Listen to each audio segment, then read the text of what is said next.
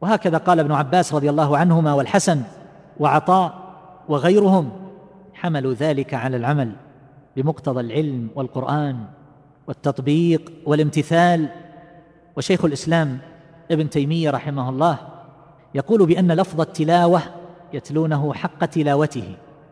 إذا أطلق في مثل هذه الآية فإنه يتناول العمل بالقرآن لأن الذي يتلوه معنى ذلك أنه يتبعه. وقد جاء عن ابن مسعود رضي الله تعالى عنه قال كان الرجل منا إذا تعلم عشر آيات لم يجاوزهن حتى يعرف معانيهن والعمل بهن. وجاء عن أبي عبد الرحمن السلمي رحمه الله حدثنا الذين كانوا يقرؤوننا القرآن حدثنا الذين كانوا يقرؤوننا أنهم كانوا يستقرئون من النبي صلى الله عليه وسلم.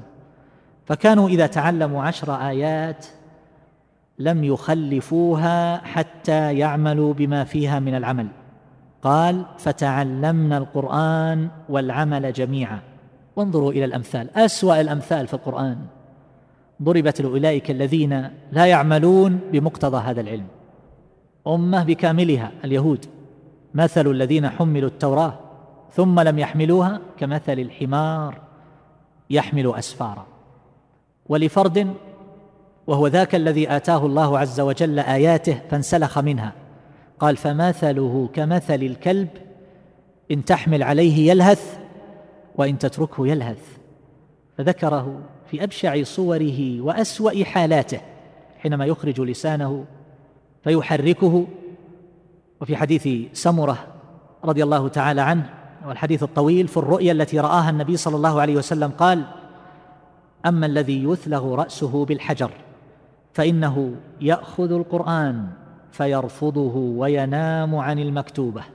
وفي رواية والذي رأيته يشتخ رأسه فرجل علمه الله القرآن فنام عنه بالليل فنام عنه بالليل ولم يعمل به في النهار. لا مناص.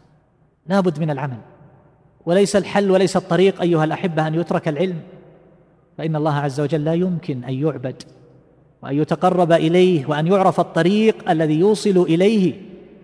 ولا يمكن أن يعرف المعبود جل جلاله ولا الدار الآخرة إلا بالعلم. فالعلم الصحيح هو الذي يحمل صاحبه على العمل. فأين المفر؟ لا بد من العلم. وحضور مجالس العلم حياة للقلوب لكن لا بد من العمل. وفي حديث أبي موسى الأشعري رضي الله عنه قال قال رسول الله صلى الله عليه وسلم والقرآن حجة لك أو عليك. رواه مسلم. ومكي ابن أبي طالب رحمه الله يقول أولى الناس بهذا القرآن من عمل به وإن لم يحفظه. وإن أشقى الناس بهذا القرآن من حفظه ولم يعمل بما فيه. حتى الحديث الذي تعرفون مثل المؤمن الذي يقرأ القرآن. هذا مقيد كما جاء في الرواية الأخرى الصحيحة. مثل المؤمن الذي يقرأ القرآن ويعمل به كمثل الأترجة. فأين الذي لا يعمل؟ وفي حديث النواس رضي الله عنه قال سمعت النبي صلى الله عليه وسلم يقول يؤتى بالقرآن يوم القيامة وأهله الذين كانوا يعملون به الذين كانوا يعملون به.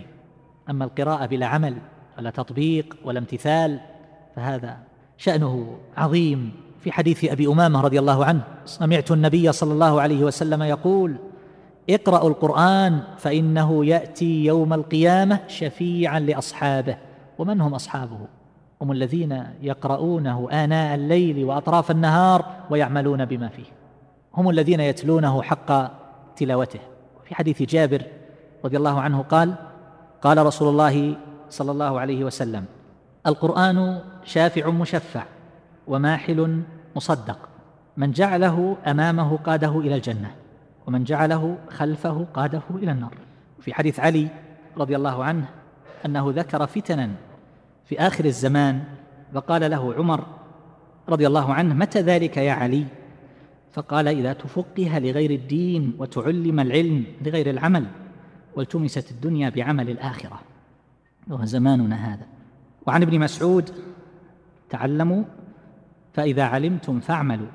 وأبو الدرداء رضي الله عنه يقول إنما أخشى من ربي يوم القيامة أن يدعوني على رؤوس الخلائق فيقول لي يا عويمر فأقول لبيك ربي. فيقول ما عملت فيما عملت.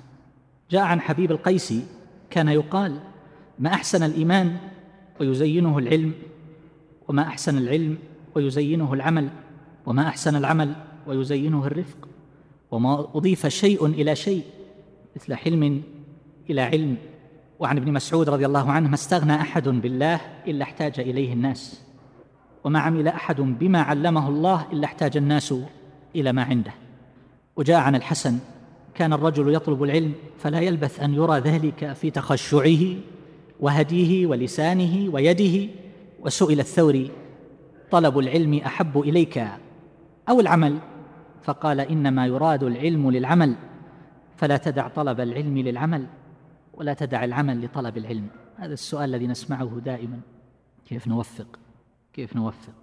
الإمام أحمد رحمه الله يقول ما كتبت حديثا عن النبي صلى الله عليه وسلم إلا وقد عملت به حتى مر بي الحديث أن النبي صلى الله عليه وسلم احتجم وأعطى أبا طيبة الحجام دينارا فاحتجمت وأعطيت الحجام دينارا إلى هذا الحد. ووكيع يقول إذا أردت أن تحفظ الحديث فاعمل به.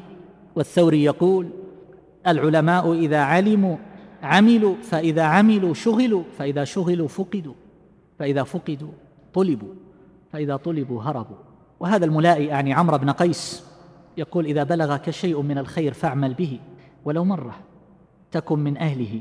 وذاك أعني أبا عصمة الذي بات عند الإمام أحمد ليلة طالب علم فوضع له ماء ثم جاءه في صلاة الفجر والماء لم يتغير فقال سبحان الله رجل يطلب العلم ولا يكون له ورد من الليل. كم سمعنا هذا من مرة. يقول الخطيب رحمه الله ينبغي لطالب العلم والحديث أن يتميز في عامة أموره عن طرائق العوام باستعمال آثار النبي صلى الله عليه وسلم. ما أمكنه وتوظيف السنة على نفسه. فالله يقول لقد كان لكم في رسول الله أسوة حسنة. فالعبادة أيها الأحبة ضربان كما يقول بعض أهل العلم علم وعمل وحقهما أن يتلازما لأن العلم كالأس والعمل كالبناء وكما لا يغني أس ما لم يكن بنا ولا يثبت بناء ما لم يكن أس كذلك لا يغني علم بغير عمل ولا عمل بغير علم. ولهذا يقول بعض أهل العلم العلم خادم العمل والعمل غاية العلم. فلولا العمل لم يطلب علم ولولا العلم لم يطلب عمل ولا أن أدع الحق جهلا به أحب إلي من أن أدعه زهدا فيه يعني بعد أن عرفته. وجعل ابن القيم رحمه الله جهاد النفس أربع مراتب. الأولى أن يجاهدها على العلم تعلم الهدى على تعلم الهدى ودين الرسول صلى الله عليه وسلم الذي لا فلاح لها ولا سعادة في معاشها ومعادها إلا به ومتى فاتها شقيت في الدارين. هذا يحتاج إلى مجاهدة لأنه يحتاج إلى تواضع وصبر وجلوس وتعب وعناء وقد يسمع ما يكره مما يخالف هواه. الثانية أن يجاهدها على العمل به بعد علمه وإلا فإن مجرد العلم بلا عمل لا ينفع. وهذا يحتاج إلى مجاهدة لأن النفس تقعد به. وتشده إلى الكسل وتطلب الراحة والثالثة أن يجاهدها على الدعوة إليه وتعليمه. من لا يعلمه وإلا كان من الذين يكتمون ما أنزل الله من الهدى والبينات ولا ينفعه علمه ولا ينجيه من عذاب الله عز وجل. والرابعة التي ذكرها وهي أن يجاهدها على الصبر على مشاق الدعوة إلى الله وأذى الخلق ويتحمل ذلك كله لله. فاذا استكمل هذه المراتب الأربع صار من الربانيين. هذا هو العالم الرباني.